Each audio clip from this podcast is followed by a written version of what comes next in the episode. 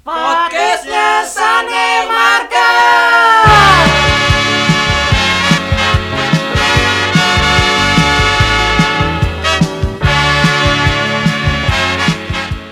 Halo, selamat hari Minggu, Peter PT Pasar Minggu balik lagi di podcastnya Sunday Market. Kali ini udah episode keberapa Kak Irwi? kelima Kelima. Udah lima minggu kita nggak ibadah PT. Udah kangen ya? kangen banget Jujur kangen banget sih. Pengen jalan-jalan gitu ngeliatin adik-adiknya jajan ya. ya pengen pakai baju rapi gitu iya. kak keluar Makanya ini pakai sepatu nih sekarang nih kangen banget pakai Ah, sepatu iya. ternyata. Enak loh pakai sepatu guys. Mungkin nanti co- bisa dicoba di rumah pakai sepatu gitu ya. boleh Iya kan? biar apa nih Biar melepas rasa rindu aja nih pakai sepatu tuh ternyata enak loh. asal Dan- jangan nanti dibilang aneh aja sama papa mamahnya ya kak iya, iya sih, nanti di kamar aja pakainya. nggak kelihatan. Oke, Kak Irwi gimana lima minggu Eh, terisolasi? jadi makin bengkak adik-adik bisa dilihat sendiri ya Hmm. di kamera langsung semoga kameranya kak itu bisa menipu ya bisa Bisa nanti pakai kamera 360 ya, jadi bisa agak shaping dikit gitu. Nggak gitu ya. ya, nggak gitu dong. Lanjut, Pak. Ya. Gimana Kak Irwi? Eh, pu- Selain melebar, Iya, thank selain you, Pak. melebar. Eh, membosankan. Awal-awal memang Hmm, menyenangkan hmm, ya. hmm, Dua minggu pertama, tiga minggu kemudian udah, duh gue harus apa lagi Iya. nih? Jungkir balik udah, nonton drama Korea yang direkomendasiin sama temen-temen juga Hmm, udah. Ya abis itu nggak tahu lagi mau ngapain gitu. Mungkin adik-adik di rumah kalau misalnya tahu harus apa bisa komen di sini ya. Bisa nggak kak? bisa bisa nanti komennya di YouTube atau Instagram TV ya. Oke. Nggak kayak Ya. di ngarang maaf ya. Oke. Lanjut kak. Tapi ya emang ngebosenin sih lima minggu kita uh, di karantina kayak gini. Cuman harapannya ini semua bisa segera selesai. Amin. Asalkan kitanya juga taat, jangan jangan keluar keluar rumah kalau emang nggak perlu. Apalagi sekarang udah diberlakukan PSBB ya. Ya. Tahu kepanjangannya? Hmm, maaf, sorry baru balas gitu. Pokoknya, aku juga sorry guys. Aku juga lupa PSBB kepanjangannya apa. Intinya itu dalam skala besar untuk Ah. menjaga jarak satu dengan yang lainnya dan sekarang udah diperketat juga supaya kalau naik motor tuh udah nggak boleh boncengan. Iya. Terus kalau mau keluar ya seperlunya kayak Seperlunya misalnya aja. mau beli, beli bahan makanan untuk kebutuhan hidup lah.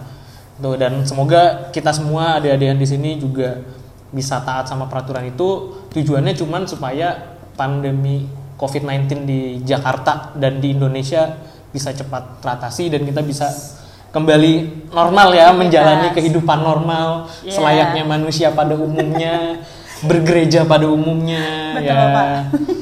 Tapi jangan sampai juga dengan ibadah kayak gini, dengan online kayak gini terus jadi merubah semangat ya. Iya, tetap betul. kita harus tetap semangat untuk beribadah dan mendengarkan firman Tuhan. Yes, betul. Oke, Kak Irmi, Ya, kita bahas apa nih hari ini?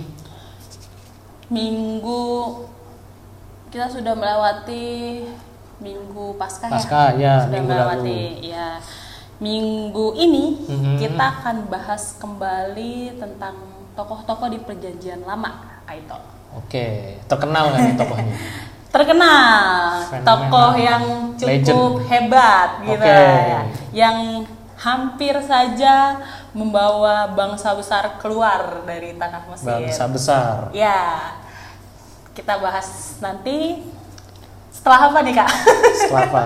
Doa dulu dong. Ah, kita akan bahas nih kak tapi sebelumnya benar kata kak itu adik-adik untuk segala sesuatunya ada baiknya kita mulai dengan berdoa Yes. tapi sebelum berdoa, Kak Irmi mohon untuk adik-adik sudah mengeluarkan Alkitabnya. Menyiapkan ya. Ya. Jangan dikeluarkan. Jangan bukan gitu Disiapkan. kak. Disiapkan, dikeluarkan juga lah kak kalau ditaruh di mana. Oh iya benar. Disiapkan Oke. juga Alkitabnya. Kalau sudah kita tutup tangan kita, kita lipat, kita satukan hati, mari kita berdoa. Puji dan syukur Tuhan Yesus kami naikkan hanya untuk satu nama yaitu namamu. Terima kasih atas kasih dan penyertaan-Mu kepada kami Tuhan sepanjang hari ini. Hingga pada hari Minggu indah ini Tuhan kami boleh bangun dengan nafas yang masih Engkau percayakan kepada kami. Tuhan sebentar lagi kami akan membaca firman-Mu dan kami akan mendengarkan, merenungkan serta men-sharingkannya. Kiranya Tuhan saja yang boleh memberkati setiap hati dan pikiran kami untuk bisa memahami maksud dari firman-Mu pada hari ini. Terima kasih Tuhan, inilah doa kami, ampuni salah dan dosa kami, layakkanlah kami, Engkau sangat baik. Amin. Amin. Amin. Oke adik-adik, eh, tadi sudah disampaikan clue-nya bahwa kita akan membahas tokoh dari perjanjian lama yaitu dari kitab keluaran. Kitab keluaran ya adik-adik, pasalnya yang ketujuh. Oke. Kitab keluaran pasalnya yang ketujuh, ayatnya juga dari yang ketujuh sampai dengan 13. Kitab keluaran pasal 7, ayatnya yang ketujuh sampai dengan 13. Eh, ini kita nggak baca full ya kak, jadi Hmm. kita setengah cerita nih, tapi nanti adik-adik bisa baca di rumah apa eh, apa namanya cerita sebelumnya atau kisah Secara sebelumnya keseluruhannya secara ya, boleh dibaca masing-masing nanti di rumah. Betul. Ehm, mungkin Kaito bisa bantu aku membaca ya. Kita berbalasan, Berbalasan. aja sampai nanti ayat yang ke-13. Oke. Aku ayatnya yang ke-7, Kaito yang ke-8 dan seterusnya sampai yang ke-13 ya, Kak. Oke. Di sini perikopnya adalah Musa menghadap Firaun. Eh, kita mulai ya adik-adik. Adapun Musa 80 tahun umurnya dan Harun 83 tahun ketika mereka berbicara kepada Firaun. Dan Tuhan berfirman kepada Musa dan Harun, Apabila Firaun berkata kepada kamu, "Tunjukkanlah suatu mukjizat," maka haruslah kau katakan kepada Harun, "Ambillah tongkatmu dan lemparkanlah itu di depan Firaun, maka tongkat itu akan menjadi ular." Musa dan Harun pergi menghadap Firaun, lalu mereka berbuat seperti yang diperintahkan Tuhan. Harun melemparkan tongkatnya di depan Firaun dan para pegawainya, maka tongkat itu menjadi ular. Kemudian Firaun pun memanggil orang-orang berilmu dan ahli-ahli sihir. Dan mereka pun ahli-ahli Mesir itu membuat yang demikian juga dengan ilmu mantra mereka. Masing-masing mereka melemparkan tongkatnya, dan tongkat-tongkat itu menjadi ular. Tetapi tongkat Harun menelan tongkat-tongkat mereka. Tetapi hati Firaun berkeras sehingga tidak mau mendengarkan mereka keduanya seperti yang telah difirmankan Tuhan. Demikianlah firman Tuhan. Terpujilah Kristus. Gimana Kak Ito? Ini kisah yang cukup legendaris ya. Iya, Ya betul. kan? Karena Kejadian Musa dan Harun melemparkan tongkat jadi ular di depan Firaun tuh sering banget apalagi waktu zaman PA ya. ya. Ya kan sering banget diceritain. Sepertinya maksudnya adik-adik pun juga dari PA sudah sering berulang-ulang kali mendengarkan kisah ini ya Familiar Kak. banget ya. Di sini di ayat 7 Kak, Mm-mm. di ayat 7 ini disampaikan bahwa Musa dan Harun hanya beda tiga tahun umurnya. Ya, Yang kakak siapa kak? tadi Harun. Harun. Harun. Ngetes kayak itu aja. Iya. Fokus ya, fokus. Ah, ah. yang abang di sini adalah Harun. Harun. Abang Harun ya. Bang, yang Bang Harun, Ah, ah. adiknya adalah Dek Musa. Dek Musa. Musa. Nah, di sini mau disampaikan bahwa mereka di ayat 7 ini Musa dan Harun hanya beda tiga tahun. Yap. Umurnya Musa adalah adalah 80 dan Harun adalah 83. 83, ya. Di sini Musa dan Harun eh, diberikan atau diutus, diutus oleh Allah Hmm. untuk eh, membawa bangsa Israel keluar dari tanah Mesir. Oke. Kita tahu di sini bahwa bangsa Israel eh, diperbudak, diperbudak secara fisik, secara psikis juga oleh pada saat itu yang memimpin adalah Firaun. Firaun, Di sini disebutkan tokohnya Firaun adalah eh, raja pada saat bangsa Israel ini sedang dalam keadaan Perbudakan, perbudakan. perbudakan.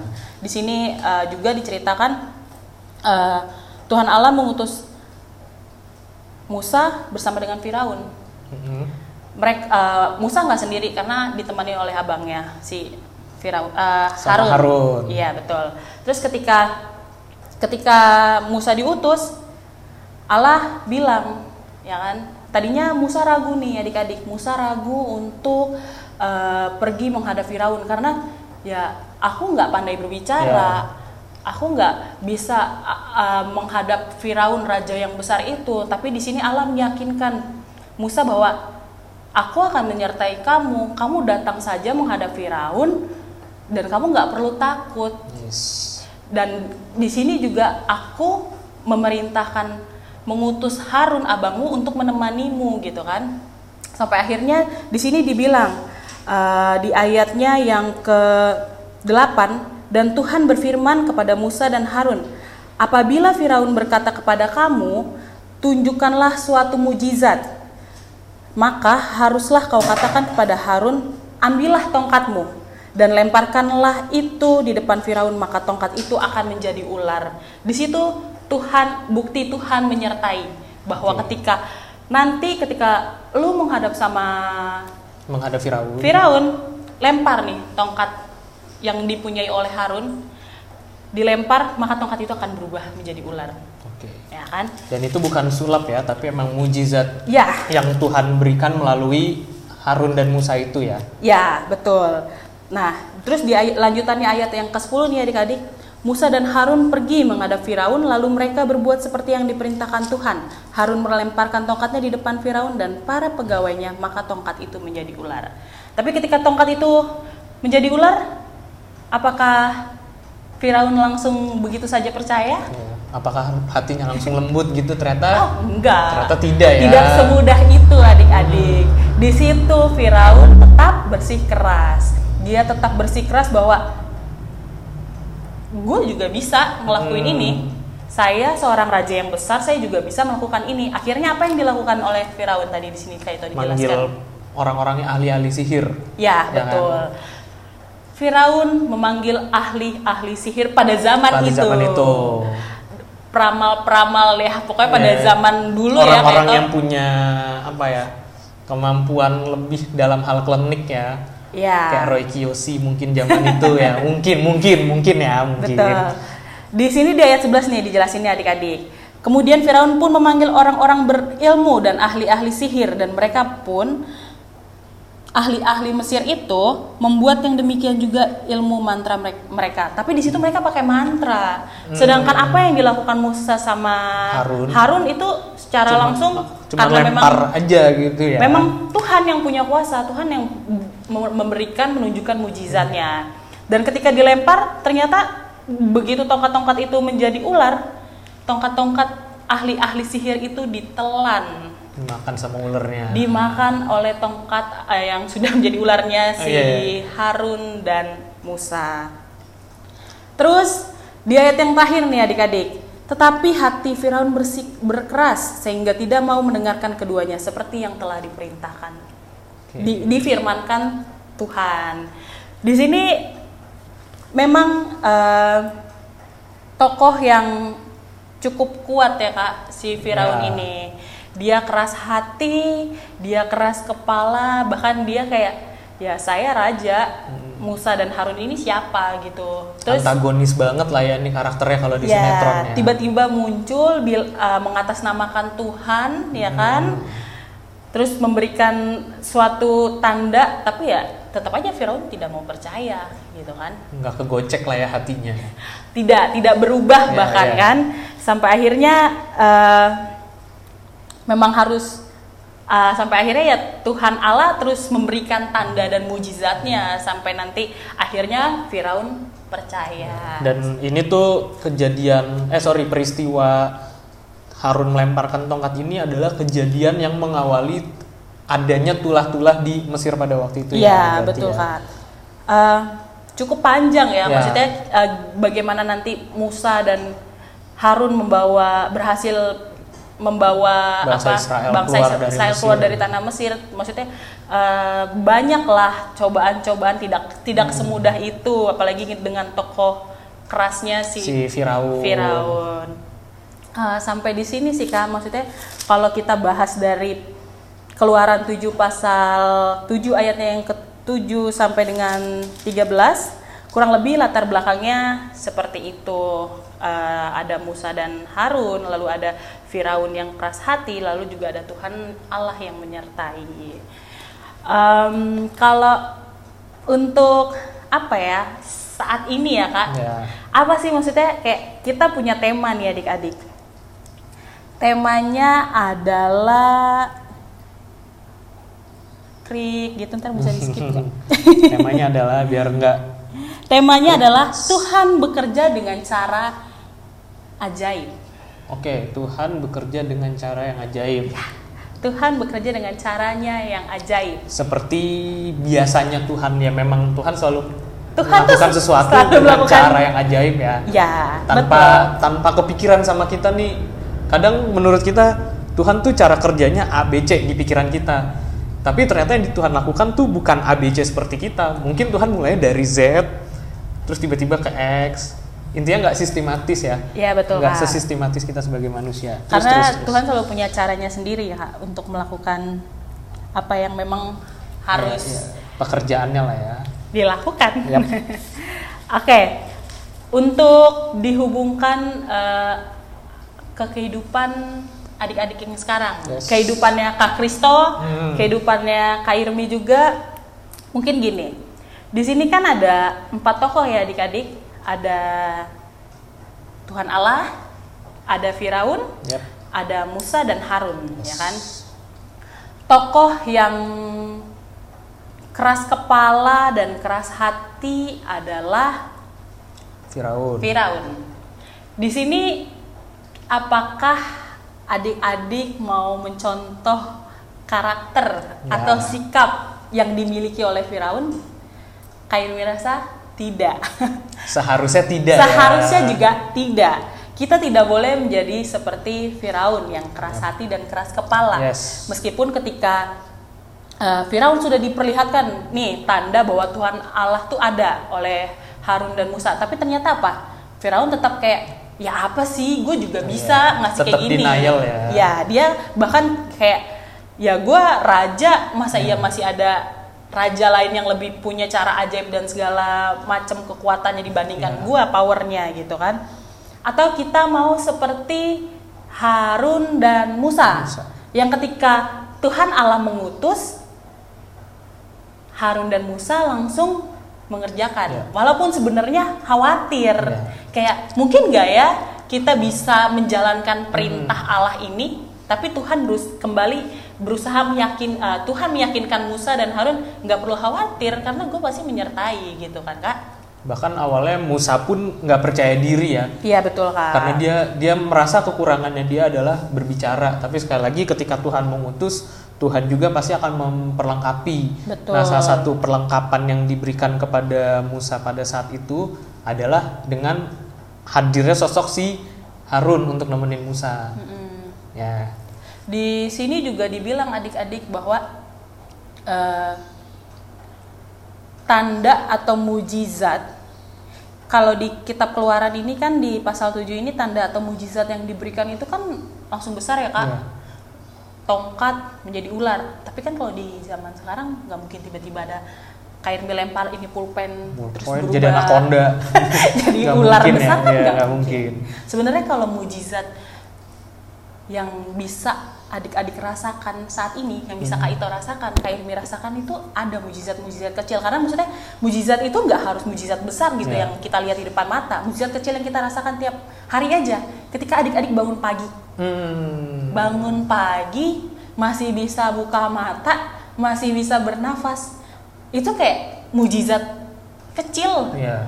tapi Kak Irmi yakin nggak setiap orang bisa merasakan oh iya ya Iya. ini ber- berkat Tuhan ini karya Tuhan yang bikin saya masih bisa bernafas masih bisa bangun pagi Iya. kak Mungkin kita karena suatu rutinitas setiap hari, oh kita bangun, kita masih bisa nafas, Ya. ya itu kayak ya udah daily activities aja, Ya. sehingga menutup kesempatan kita untuk mensyukuri bahwa sebenarnya hal kecil kayak gitu aja harusnya kita syukuri. betul Sa- sama ketika eh, kalau mungkin kalau adik-adik sekarang kita mengingatkan kembali ya kak Ya, ya.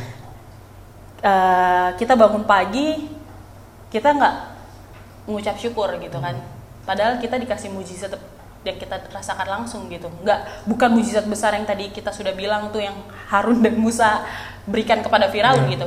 Firaun yang dili- diperlihatkan secara langsung aja nih kak. Secara langsung aja tongkat berubah jadi ular dia nggak mau percaya. Nggak mau percaya. Dia nggak mau kayak masih mengelak masih nggak peduli saya juga bisa gitu kan. Nah apakah kita kan seperti mau menjadi seperti Firaun? Yang ketika diperlihatkan kayak ini loh Allah tuh ada. Atau kita mau menjadi seperti Musa dan Harun yang taat akan perintah Allah? Pada saat itu Musa dan Harun umurnya 83 tahun dan 80 tahun ya, ya untuk Harun. itu udah cukup itu tua ya. umur yang tua loh adik-adik. Gimana kita yang masih anak teruna masih remaja remaja ya? aduh remaja. Remaja ya masih remaja ketika kita diutus bukan diutus sih kalau sekarang maksudnya kita ketika kita hmm, apa ya bahasa Dipanggil. dipanggil untuk melayani Yes. apakah kita akan menerima panggilan itu atau kita ya udahlah nanti aja gue banyak banyak excuse kayak misalnya dipanggil untuk melayani aduh kerjaan gue banyak aduh PR gue banyak tugas gue banyak gue mesti presentasi di sekolah segala macem ya atau kita ya menolak tadi Iya. kan padahal di sini konteks melayani kalau untuk umur umur masa sekarang ya Ya. kak. Remaja teruna segala macam kita bisa bilang melayani hal kecil aja gitu ketika disuruh sama papa mamahnya. Mama papa minta tolong kak tolong dong ambilin remote TV di atas lemari. Pak tolonglah tolong balik ke papanya. Papa aja yang bangun Ah. gitu. Padahal itu salah satu bentuk perintah Ya. gitu kan papahnya minta tolong malah dia minta tolong balik gitu terus sama ini sih kak yang sekarang ini tuh kan yang lagi panas-panasnya ini si COVID-19 ini ya? Yes. apa bahasanya coronavirus ya bahasa kerennya COVID-19 Ba- ah. di sini mau diingatkan kembali kak kita Hmm. bisa contoh dan tiru Harun dan Musa ketika Harun dan Musa diutus oleh Allah Harun dan Musa taat oke langsung taat tidak Iya. berpikir babi bu Iya, langsung mengikuti. Nah, sekarang ini pemerintah sudah membuat aturan yang tadi awal ketika kita Ya. pembukaan kayak itu sudah sebutkan kalau mau keluar harus pakai masker, tidak boleh berboncengan. Kalau nggak kalau mau keluar kalau nggak penting-penting amat mending Iya. tidak usah stay udah ada at home aturan aja. PSBB tadi ya itu khususnya di Jakarta ya Ya. belum diterapkan ke semua Nah, sebagai contoh yang bisa kita tiru adalah ya kita ini adik-adik teruna, eh, Kak Irmi, Kak Kristo dan semua kakak layan bisa memberikan juga eh, contoh karakter sikap yang sama seperti Harun dan Musa. Pemerintah sudah buat aturan, ya kita taati. Jangan ketika pemerintah sudah buat aturan kita malah jadi komenters komenters netizen netizen yang memberikan banyak komentar tapi kita malah banyak melanggar. Melanggar, kita nggak ngelakuin. gitu. masih tetap kumpul-kumpul padahal nggak penting. Betul, Kak. masih masih bikin alasan ah gue kan pengen ke minimarket nih sering banget nih ketemu. Gue pengen ke minimarket tapi ternyata di minimarket itu udah janjian sama temennya. Dan kesannya tidak sengaja ketemu nih terus di post di Instagram. Itu sering banget loh ketemu. Dan semoga adik-adik PT kita nggak seperti itu ya ya tetap taat pasti mereka adalah anak-anak yang taat kak Amin. Betul. itulah eh, salah satu sikap atau contoh yang bisa kita pelajari? Iya, kita teladani juga Ya. dari Harun dan Musa Musa. Terus nih kak, eh, aku juga ada salah satu apa sedikit cerita ya kak. oke Kalau maksudnya gini, eh, bukti Tuhan selalu menyertai kita. oke Yang maksudnya yang saya rasakan secara langsung ya kak. Yang Kak Irmi rasakan secara langsung ya adik-adik ketika ya beberapa bulan yang lalu ya bulan Februari Kak Irmi menyelesaikan skripsinya Kak Oh, Irmi. iya. Ya kan? Adik-adik pasti tahu tuh ceritanya waktu Februari ya kan kita masih euforia ngerasain eh, yang namanya paket ya kan? ya ya ya paket PT. yang besar-besaran itu yang semua Jakarta Selatan PLKT PT kita laksanain satu sisi Kak Irmi juga lagi susun skripsi satu sisi juga sebelum paket dilaksanakan Kak Irmi juga lagi magang magangnya empat bulan harus menyelesaikan laporan laporan hasil kerja terus presentasi hasil kerja harus bikin seminar proposal segala macam banget itu itu ya. numpuk banget Tumpuk kak banget. itu tapi se- sempet kak Irmi kayak putus asa kayak Tuhan mungkin gak ya aku bisa nyelesain ini tepat waktu karena posisinya adalah kalau Kak Irmi nggak tepat waktu di bulan Februari selesai, Kak Irmi harus bayar uang kuliah lagi nih, Hmm. ya kan? Sedangkan hanya untuk skripsi bayar uang kuliah lagi itu cukup besar satu semester yang dibayar, itu Kak Irmi udah kepikiran banget. Iya. Sayang cuma untuk skripsi, tapi aku harus bayar uang kuliah lagi.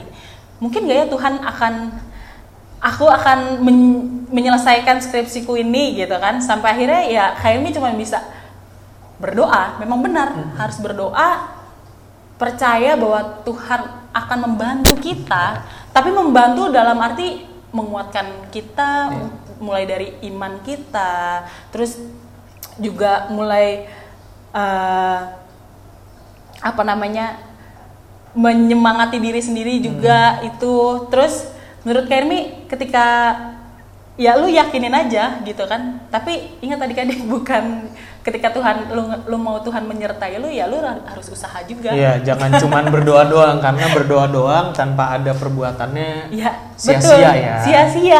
Masa iya skripsi sel- selesai gitu aja dengan ca- Kairmi berdoa kan nggak mungkin. Kan nggak mungkin doa tuh patangan tutup mata, Bab tinggal sebentar tiba-tiba udah beres, iya tiba-tiba udah keisi kan nggak mungkin nggak ya. mungkin adik-adik. Itu kenapa? gitu. Dibilang ya lu percaya Tuhan menyertai, ya lu berdoa, lu deket sama Tuhan. Iya. Lu saat teduh segala sesuatunya lu lakukanlah, dekatkanlah diri sebanyak mungkin, sedekat Hmm. mungkin dengan Tuhan. Sampai akhirnya ya puji Tuhan Februari kemarin setelah sidang selesai gitu. Maksudnya kayak wah bener nggak loh. nyangka sampai nyangka seenggak Nggak nyangka, nyangka itu ya adik-adik. ternyata bisa on time kelarnya. Iya betul, maksudnya kayak ya ini beneran Iya. ada dan maksudnya Kak Irmi merasakan langsung kalau Tuhan tuh nggak pernah meninggalkan Kak Irmi, apalagi meninggalkan adik-adik gitu Yes. kan. Jadi jangan pernah kita berpikir ah nilai gue jelek nih, pasti Tuhan nggak menyertai gue. Mm-mm. Enggak gitu Nggak gitu. konsepnya adik-adik. Iya. pasti nilai kamu jelek, ada yang salah. Mungkin malamnya kamu nggak belajar. Nah, itu balik lagi ke bahasan kita beberapa minggu lalu soal introspeksi diri. Ya. Ketika menghadapi satu keadaan yang mungkin kita rasa buruk, jangan tiba-tiba langsung nyalain Tuhan, tapi kita introspeksi dulu.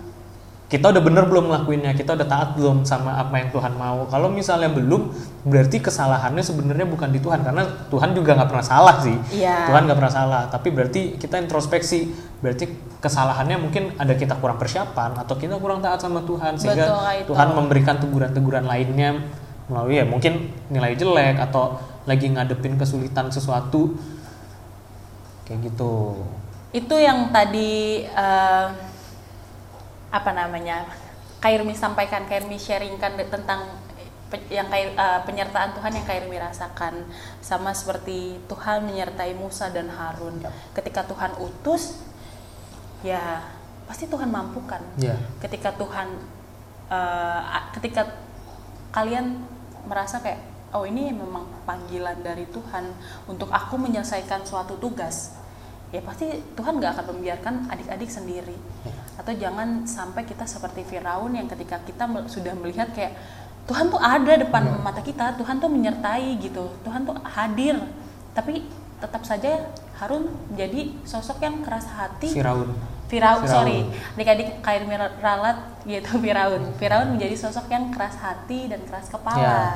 Bahkan eh, mem- membuat itu ahli-ahli sihir Ya. itu Mem- ya kan membuat tandingan membuat Tuhan. tandingan yang seharusnya itu tidak Ya, ada yang bisa, kan? ya. Siapa siapa yang bisa Siapa bisa menandingi nandingin Tuhan? besar dan ajaibnya kekuatan Tuhan, Iya. mujizat-mujizatnya yang luar biasa gitu. Ya, makanya mungkin akhirnya si ular-ular eh ulernya Harun tadi bisa makan ular-ular Ya. dari si ahli-ahli di Mesir itu Ya, tadi. jadi pada intinya kayak itu hari Minggu ini yang pertama adalah eh, yang mau disampaikan ya Ya, itu ya. gini adik-adik intinya adalah eh, yang pertama mau sebut Pancasila ya Jangan dong.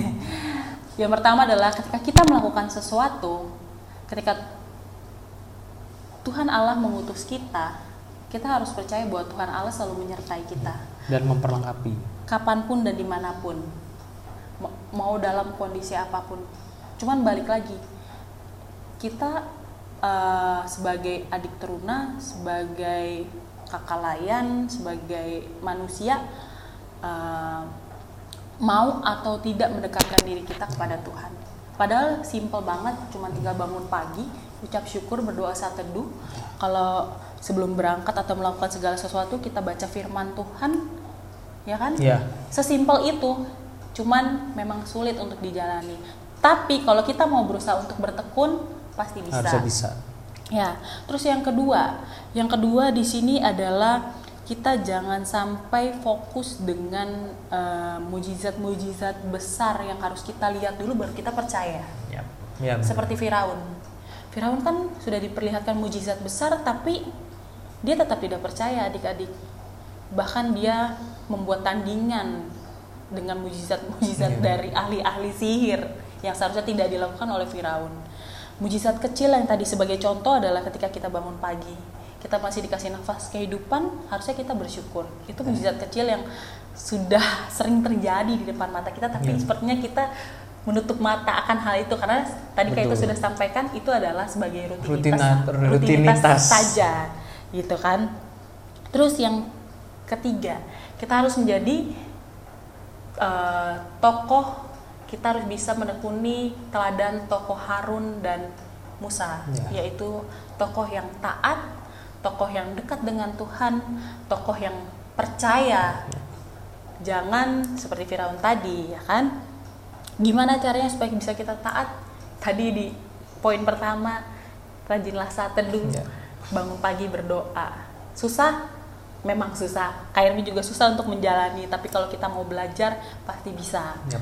terus yang terakhir yang kekinian sekarang ini yaitu ketika si COVID-19 ini ya kan Ya. ketika kita sudah bisa taat akan perintah Allah, seharusnya kita juga taat, bisa juga taat akan apa yang sudah dibuat oleh pemerintah. Kalau kita mau dan ingin keadaan eh, COVID-19 ini berakhir, Ya. Kita taat aja sama apa yang sudah pemerintah buat, aturan-aturan baru yang memang terlihatnya tidak menyenangkan. Ya, nggak enak Mana banget. ada sih, maksudnya kayak kita mau hidup enak tapi kit- kita harus tiba-tiba enak aja gitu nggak mungkin Iya, kan? mungkin. Harus ada Usahanya. usaha dan hal-hal yang tidak mengenakan untuk dilewati gitu Itu kan. prosesnya Itu untuk proses. menuju Ya, ke apa bukan keenakan. Proses untuk menuju hidup yang lebih baik. ya betul.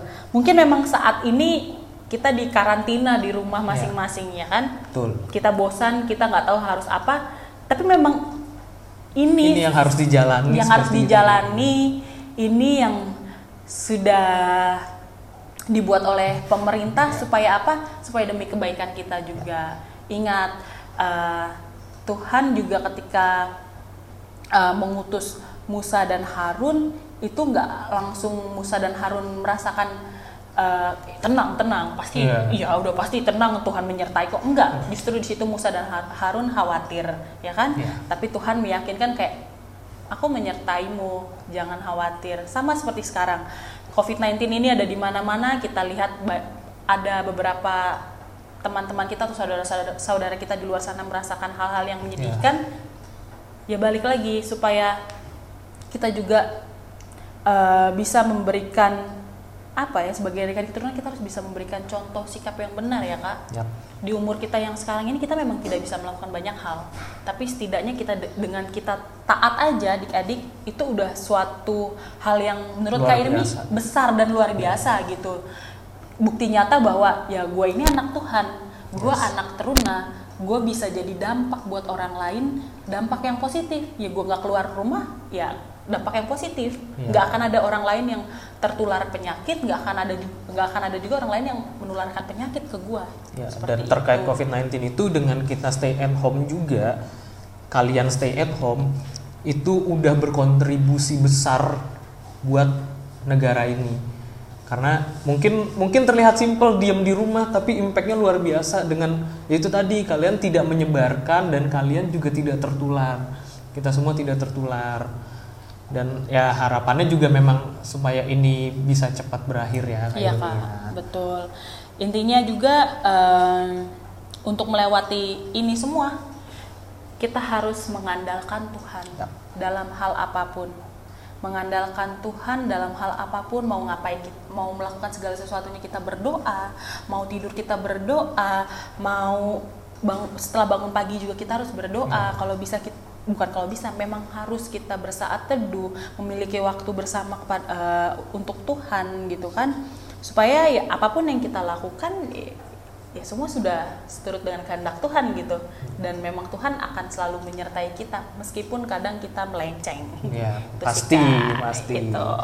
Dan terakhir mungkin selama masa karantina ini kalau misalnya Kak Irmi bilang tadi soal kita harus saat teduh, kita berdoa setiap pagi, mungkin ini adalah salah satu waktu yang tepat ya untuk Iya. memulai karena kalau kalau misalnya di aktivitas normal kan banyak excuse kayak udah terlambat sekolah nih, udah harus begini, udah harus begitu, bangun kesiangan. Nah, selama sekolah di rumah atau ada yang work from home mungkin itu kayaknya jadi salah satu waktu yang tepat nih momen yang tepat untuk yuk coba kalian belajar untuk mulai bersaat teduh, mulai siapkan waktu buat Tuhan karena selama seharian di rumah pasti kan banyak yang ngeluh gabut nih nggak ngapa-ngapain. Iya, nah, kenapa nggak coba berdoa pagi-pagi? betul kak itu Saat teduh ya kan waktunya lebih fleksibel. betul Kayak Gitu. sekian sih kak Ya, maksudnya oke. dari kisah Harun dan Musa lalu ada Firaun dan Tuhan Allah intinya segala sesuatu yang mau kita lakukan ada baiknya kita mengandalkan Tuhan. Tuhan. Terus jangan fokus sama mujizat-mujizat besar yang harus kita lihat dulu terus kita percaya. Kita perhatikan aja mujizat-mujizat kecil yang kita Dan hal-hal rasakan kecil dan ya. hal-hal kecil yang kita rasakan belum tentu kita mengucap syukur. Dan ketika kita melihat mujizat besar pun belum tentu juga kita mau berubah. Ya kan adik-adik, mending kita banyak-banyakin bersyukur, banyak-banyakin juga mendekatkan diri kepada Tuhan, belajar mendekatkan diri kepada Tuhan itu penting. Itu aja sih Kak itu dari saya. Oke. Terima kasih Kak Irmi buat firmannya minggu ini. Semoga adik-adik di rumah juga nggak cuman ngedengerin tapi boleh mulai kalian lakukan apalagi momennya lagi pas banget. Harus dilakukan. Ya. Dan tadi buat penutup terkait juga wabah COVID-19 ini tetap stay at home ya. Ya. Jangan jangan ke mana-mana kalau memang nggak butuh-butuh banget. Tolong diperhatikan lagi kebersihannya, rajin cuci tangan, makan makanan yang benar, mungkin minum vitamin juga supaya daya tahan tubuhnya kuat. Ya. Dan yang terakhir biar yang paling penting doain juga supaya keadaan COVID-19 ini bisa cepat berakhir dan kita bisa kembali beraktivitas normal seperti biasanya ya. Ya. Siapa tahu kalian udah ada yang kangen nih pakai baju bagus, pakai baju seragam kan. Aku kangen banget. Ya, kayak gitu. Oke, akhir kata kita tutup podcast kita hari ini. Mau ditutup pakai doa, Kak Irmi? Kita doa kali ya adik-adik untuk setelah menutup ini. Oke, boleh. Mari adik-adik kita satukan hati kembali, kita berdoa. Puji dan syukur Tuhan kami naikkan hanya untuk kemuliaan namamu. Terima kasih untuk firmanmu pada hari ini. Biarlah kami Tuhan Yesus belajar dari tokoh Harun dan Musa di mana ketika engkau Tuhan mengutus mereka mereka eh, mematuhi dan mentaati apa yang engkau perintahkan Tuhan. Biarlah kami juga bisa menjadi anak-anak teruna yang selalu mau taat akan perintahmu.